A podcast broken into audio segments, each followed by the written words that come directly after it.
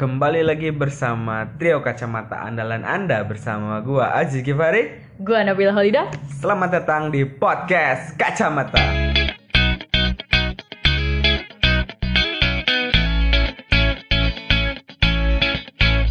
Trio tapi suaranya berdua nih. Iya nih. Mana nih? Katanya trio, tapi Azat mana ya? Ya para pendengar setia kami eh, hari ini Azat tidak bisa hadir karena dipanggil oleh orang tuanya. Oh. bukan dipanggil oleh Tuhan ya tapi dipanggil oleh orang tuanya untuk pulang ke rumah ke Bekasi dan kita kedatangan bintang tamu baru hari ini Uhuh, Baik Azat. ini tapi masih temennya Azat Oh, masih temennya. Sejurusan oh, biologi. masih sejurusan. Oke. Biar tetap ada macam-macam ya jurusannya. Iya. Oke.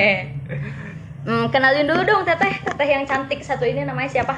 Oi, oi, oi, oi, oi. halo, halo, halo semuanya.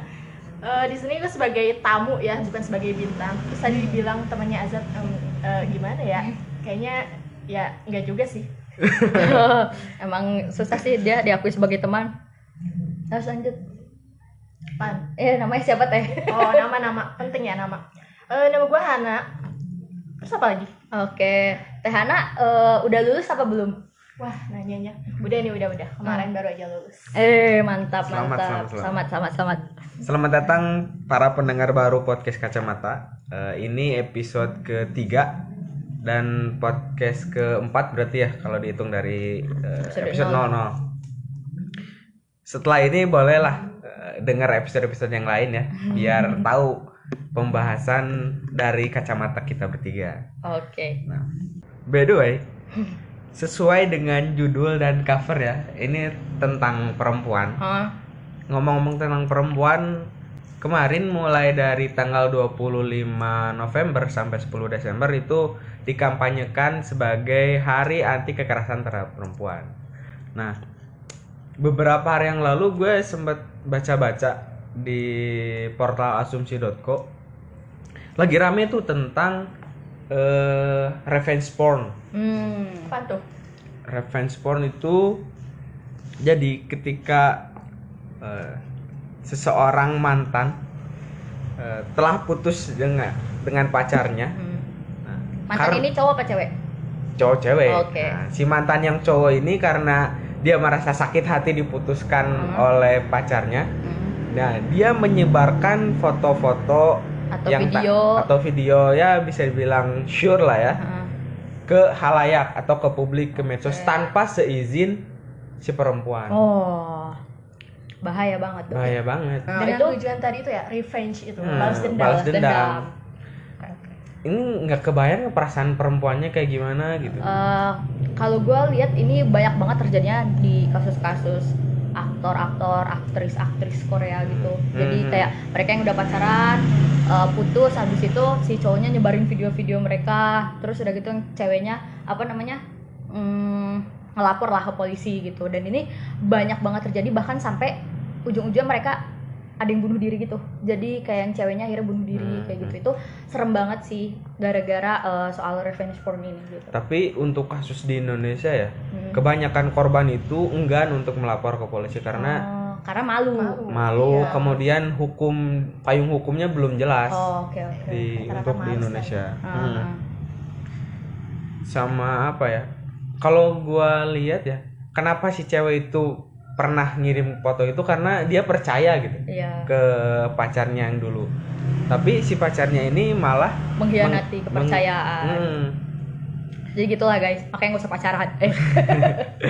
Ya, That's a itulah. conclusion. salah satu eh, apa ya bentuk kekerasan terhadap Mm-mm. perempuan dan masih banyak lagi sebenarnya eh, bentuk-bentuk kekerasan terhadap perempuan verbal non verbal Hmm. yang ada di sekeliling kita yang kita tidak sadari Iya benar banget. itu harus di terus dikampanyekan agar banyak eh, tidak banyak lagi Korban. perempuan yang menjadi korban Iya. terhadap Betul, betul. kekerasan. Nah, ngomong lagi tentang perempuan nih, Bill. Kan gua jurusan sejarah ya. Hmm. Hmm, Gua tadinya tuh pengen bikin skripsi tentang sejarah perempuan. Oh. Jadi nggak? Nggak, nggak jadi. Kenapa? Kenapa nggak pengen ngambil topik itu? Karena kebanyakan sejarah itu dimiliki oleh laki-laki. let's say Julius Caesar di Hmm. Romawi. Kemudian masih banyak lagi raja-raja eh, peristiwa-peristiwa yang Iya, iya. diaktori oleh laki-laki. Iya, Sebenarnya masih banyak eh, peristiwa-peristiwa yang diaktori oleh di aktor apa aktris nih? ya, Aktris ya. Atau pelakunya itu perempuan. ya. Masih sangat sedikit gitu. Nah, gue tadinya pengen ngebahas tentang perempuan. Hmm. Dan salah satu yang nge-trigger juga ini sih tentang bukunya Nur Syam ya, agama pelacur. Hmm. Itu itu sisiolo sisio itu sosiologi tapi ngebahas tentang eh, perempuan. Oke. Nah, bisa jadi di sejarah juga ada gitu. Hmm. Apa tentang pelacuran di masa dahulu kala ya. sebagainya. selalu ada sih Selalu dari ada. iya selalu Hmm. ada kalau dalam sejarah ya misalnya kita kayak mungkin kita nggak bisa sebut kayak pelacuran sih tapi misalnya kayak ada desain gitu ya semacam Hmm. itu terus juga ada eh, apa namanya perempuan-perempuan yang yang menjajah dengan kecantikannya Hmm. dan eh, kayak Cleopatra kita tahu terus juga eh, ya banyak lah di dalam sejarah tuh eh, perempuan-perempuan tuh eh, kadang emang ada gitu perannya tapi yang kayak gitu Ya. Nah, tapi banyak peran baiknya juga yang nggak bisa kita hilangkan begitu saja bahkan kalau menurut gua di balik cowok-cowok hebat tadi ya selalu ada cewek-cewek yang selalu eh, bisa nge-support si cakep. eh, suaminya gitu Kalau kata gue sih di samping. oh di samping di balik oh bukan di balik oke Di siap cuy. Eh, nah eh, apa tadi kita bahas-bahas support gitu ya Nah, sesuai judul ya Sesuai tadi judul. udah disinggung juga sama Nabila tentang bagaimana perempuan ada di samping laki-laki. di samping di belakang Ini tentang apa Bil? Eh, kita mau bahas soal alpha woman versus eh, sporting woman Mana dulu yang dibahas nih? Alpha dulu atau sporting dulu? Eh, alpha dulu dulu, lah alpha alpha, dulu. dulu. ini Tehana bakal jelasin nih soal alpha woman gimana teh Oke, kita mau bahas tentang alpha woman. Nah, kenapa ada istilah alpha woman? Itu tuh karena ada salah satu penelitian, bukan salah satu sih. Kalau di misalnya dalam biologi, itu tuh ada penelitian tentang misalnya hmm, tentang binatang yang dia tuh hidupnya tuh berkelompok.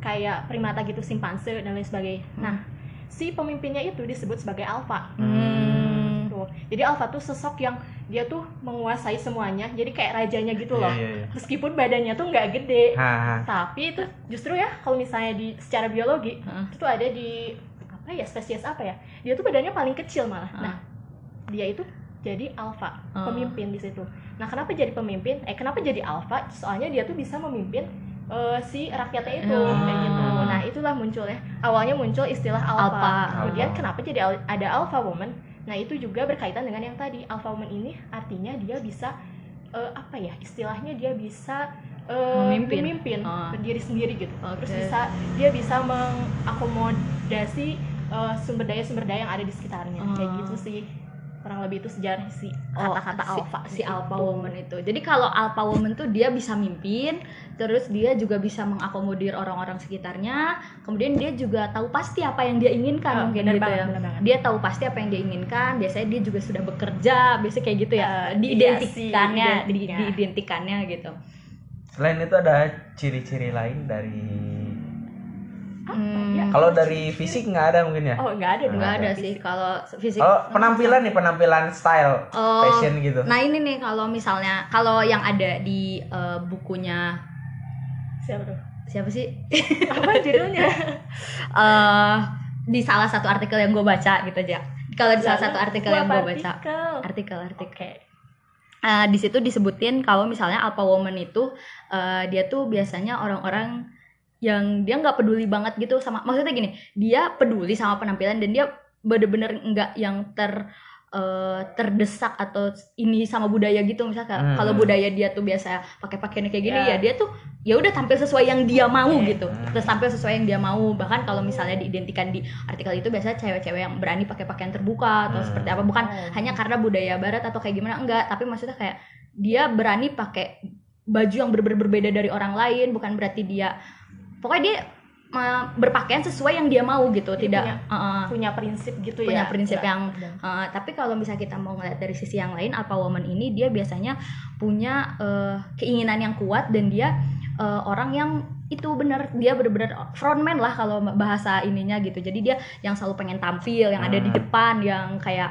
uh, selalu kayak kayak pengen eh, show up gitu maksudnya tapi dia show up tuh bukan sekedar show up doang tapi emang dia tuh punya otak juga gitu ketika Iya, dia iya. show up kayak gitu sih Kalau ngomong show up, Najwa Shihab nih, menurut lu kira-kira masuk nggak? Waduh. Kalau gue sih, eh kan gue pernah nonton ya, ini di channel yang mana ya? Eh, kalau nggak salah yang sama Just Alvin. Jadi Ah, Alvin and Friends. iya. Nah itu kan jadi kayak main ke rumahnya Najwa Shihab Ah, gitu. Iya, iya. Kalau di luar kan kita emang ngeliatnya kayak, wah gila nyecer banget ya Mbak Nana, Ah. kayak, wah gitu, Betul. kayak, wah gila sih mantep banget gitu. Tapi ternyata waktu di rumah, eh, suaminya bilang dia eh, istri yang suportif banget, suportif Hmm. dan juga nge-supporting gitu, masa si suaminya gitu. Dan dia juga orang yang pedulian banget sama anak-anaknya, eh anaknya gitu, ada cuma Hmm. satu gitu. Maksudnya eh, ya dia eh, try to be a great uh, mom and great uh, wife juga gitu Iya, kalau iya. di rumah Ah. gitu. Nah itu sih yang mungkin uh,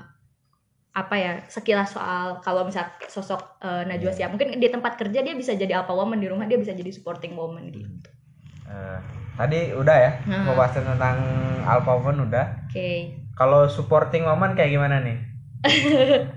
supporting, supporting woman. woman. ya dari nama aja kan kayak udah kelihatan ya misalnya Ah. itu eh, jadi eh, kebanyakan ka- kalau misalnya di eh, bahasa psikologinya ada beta, Beta woman, woman. Hmm. beta woman Di jadi alpha sama beta. eh, alpha sama beta gitu jadi beta woman tuh yang eh, mengikuti arus saja gitu misalnya kayak ya udah misalnya eh, suaminya mau buka usaha ini nih dan Oke, dia rata-rata dukung. oke gue dukung Hmm. ya kan kalau misal alpha woman tuh kadang mungkin gini ya mau buka usaha coba kita lihat dulu. Misalnya kayak jadi jadi bener-bener bisa jadi teman diskusi gitu. Iya, kalau iya. misalnya kayak "Eh, coba kita lihat dulu eh, pasarnya kira-kira cocok gak di sini? Ini kayak gini-gini usahanya cocok apa enggak? Ah. kayak gitu-gitu. Nah itu mungkin kayak alpha woman kalau eh, beta woman tuh yang iya iya gitu kayak oke gak apa-apa.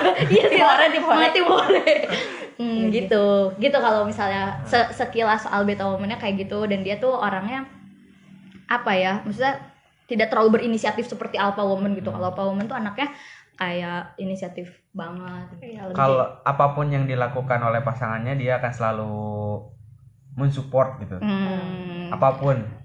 eh, yang enggak semuanya kalau masalah eh, cowoknya selingkuh masa ya disupport Iya, iya. iya. ya kayak gitulah tapi maksudnya eh, supporting woman tuh eh, lebih eh, support dan dia kadang dia nggak tahu pasti dia nggak punya visi misi yang besar dia nggak tahu pasti dia mau Hmm, ngapain. kebanyakan juga diidentikan belum bekerja eh, terus kayak dia yang emang bener-bener ngikut si pasangan atau Hmm. misalnya kadang bekerja tapi dia maksudnya ya udah life life the life maksudnya. Ya dia cuma hidup hidup ya gitu. Maksudnya tapi dia kayak nggak punya ambisi apa gitu. Nah kalau misalnya orang-orang apa tuh selalu punya uh, am- Apa suatu yang mau ambisi apa dicapai apa yang gitu. pengen dicapai selanjutnya kayak gitu gitu sih. Di sirohnya ada nggak sih contoh-contoh alpha woman atau Weh, bahas siroh apa? nih. Itu bahas siroh. banget bahas Eh, nah gini balik lagi nih. Kalau misalnya kita Ah. lihat dari perspektif Islam ya. Coba deh dari Hana dulu. Lu dulu bil. Barusan udah ngomong. Eh, kalau dari gua eh, kalau gua ngeliatnya gini. Pernah denger gak sih sejarah yang ini? Eh, jadi eh, ayahnya Salahuddin Al Ayyubi Mm-mm. yang membebaskan Palestina Hmm.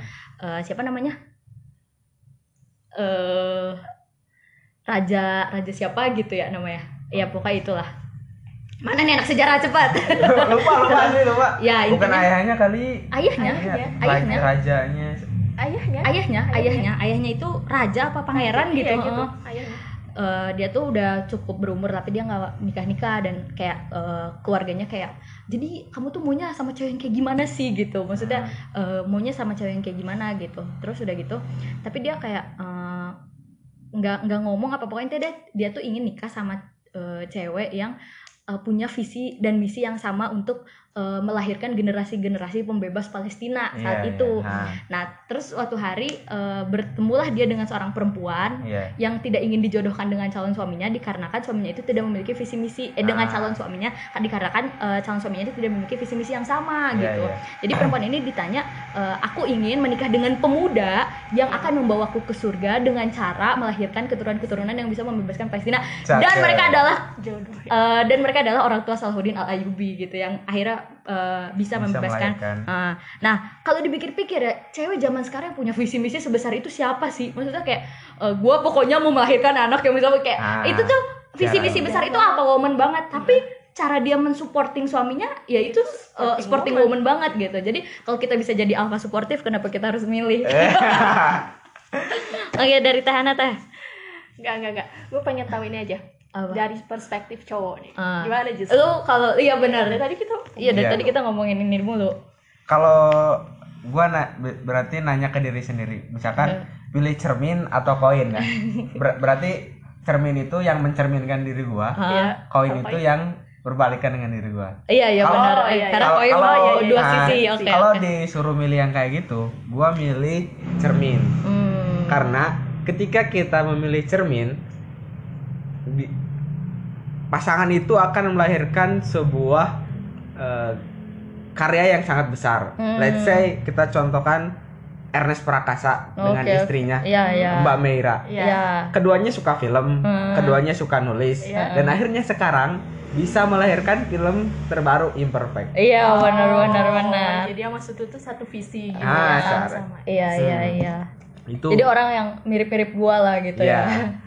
Biar enak diajak diskusi juga. Tapi ini masalahnya lu ngomongin cermin sama Koin. koin. Lu tuh termasuk eh termasuk cowok alpha man atau beta man. Berarti lu harus milih dong kalau misalnya kayak Alpha gitu. man lah. Oh, alpha Alpha man. man. Tanya alfa sama alfa. Oh, Alpha sama Alpha. Oke, Perang nggak oke. tuh? Enggak, enggak akan.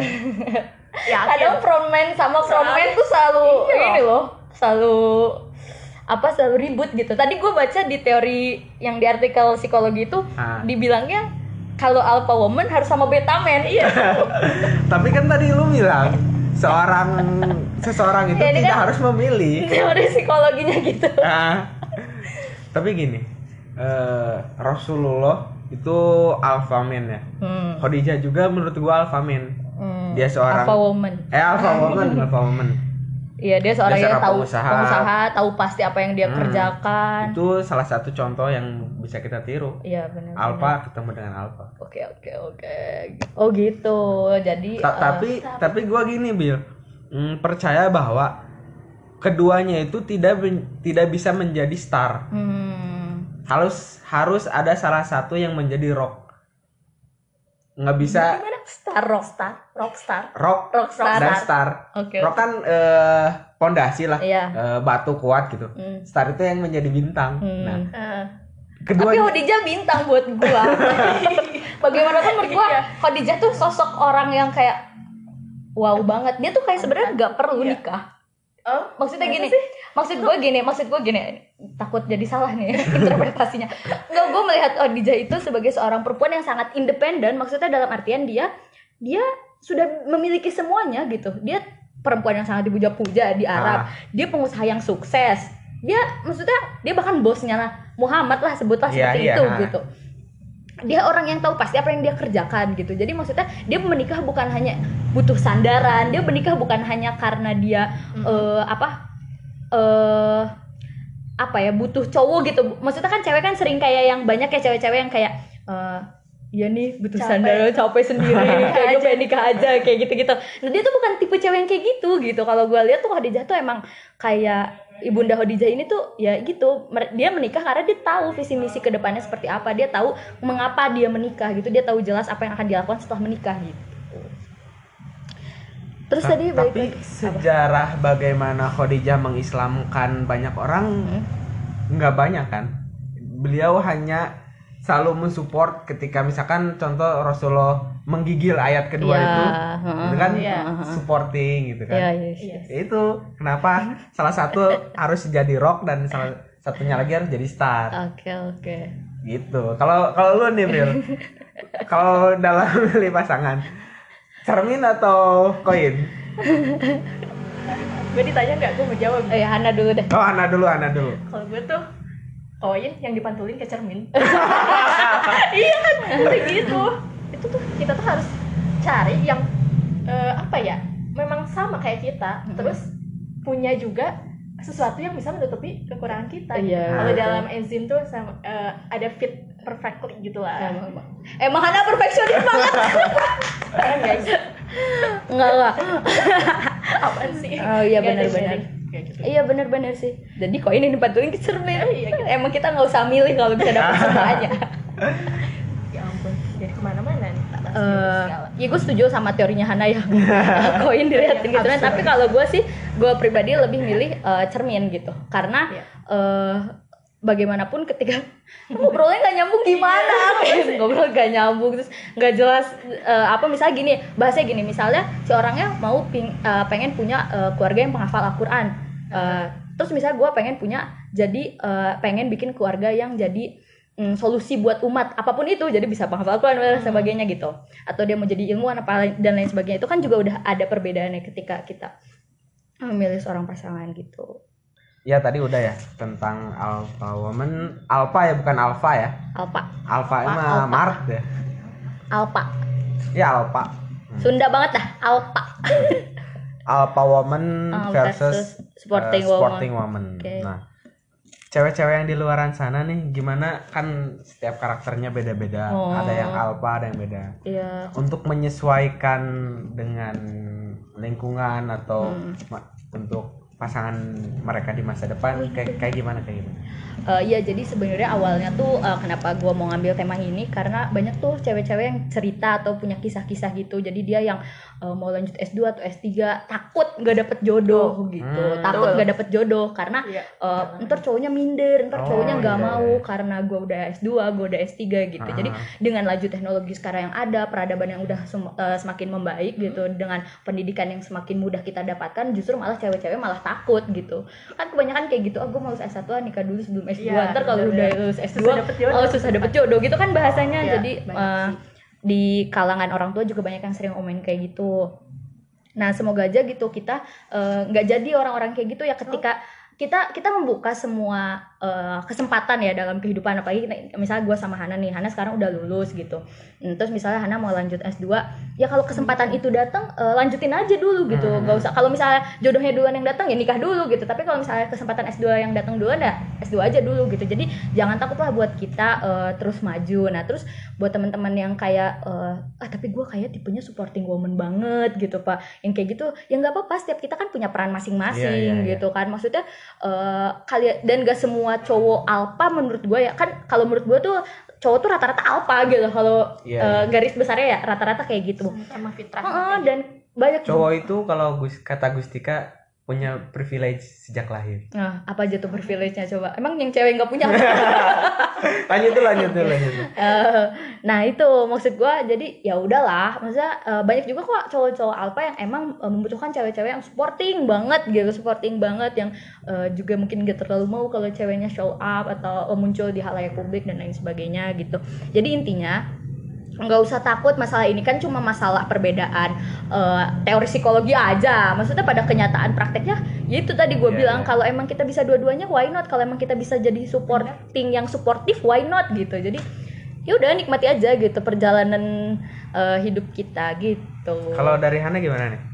Oh, oke. Listen to me guys. Nih ya, alpha woman sama sporting woman itu cuma istilah. Hmm. Ah.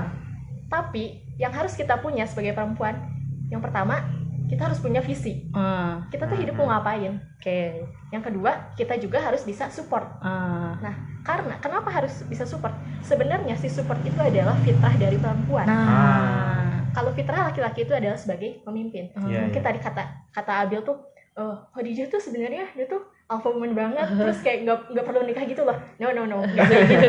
ya maksud gue dalam artian dalam artian kalau orang ngelihat yang zaman Oke. sekarang gitu Ah. dia tuh kayak dia Iya tuh sih. bukan nikah sekedar kayak pengen lenjeh Eh, iya, bener, atau bener. Sekedar pengen dibiayai hidupnya kayak gitu bukan yang cewek-cewek zaman sekarang pikirkan gitu Tapi menikah itu yang tadi eh, aku bilang bahwa si perempuan itu punya fitrah perempuanan. Fitrah Hmm. perempuannya itu adalah fitrah-fitrah yang dia tuh fitrahnya memang eh, fitrahnya yang lemah lembut. Eh, eh, mengayomi. lemah lembut, sorry.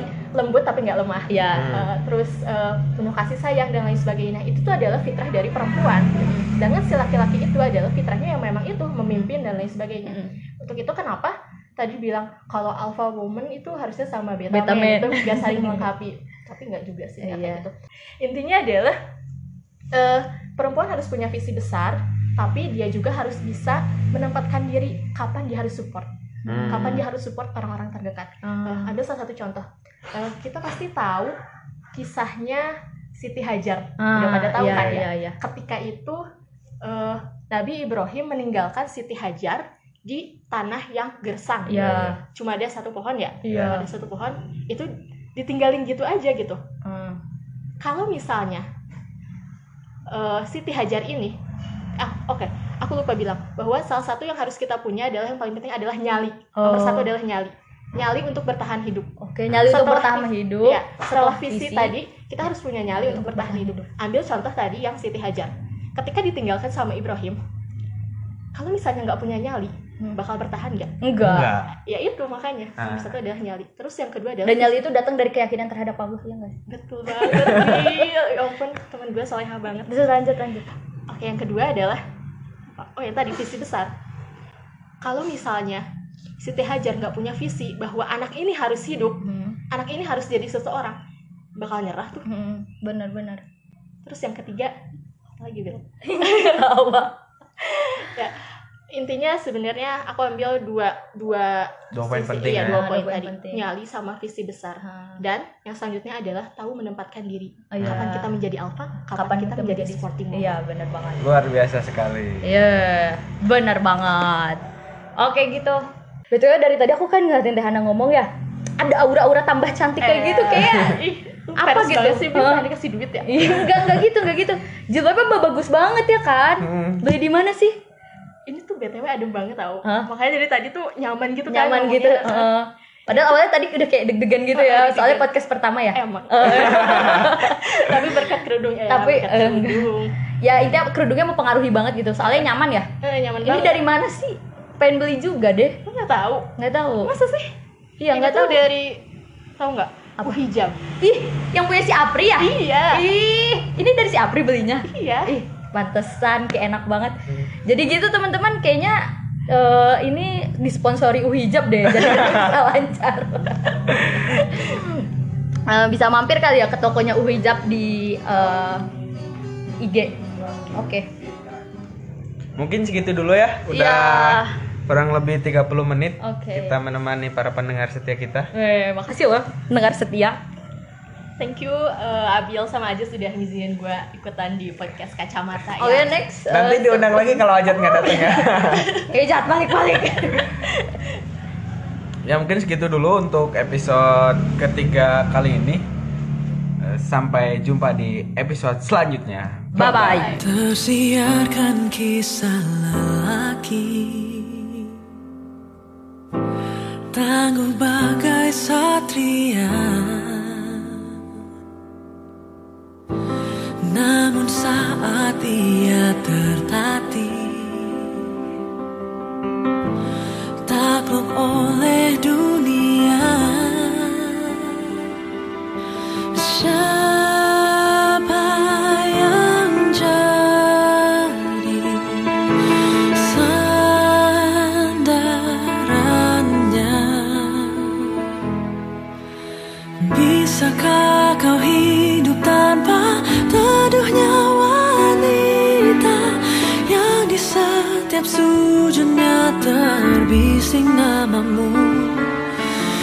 namamu ia cerminan sisi terbaik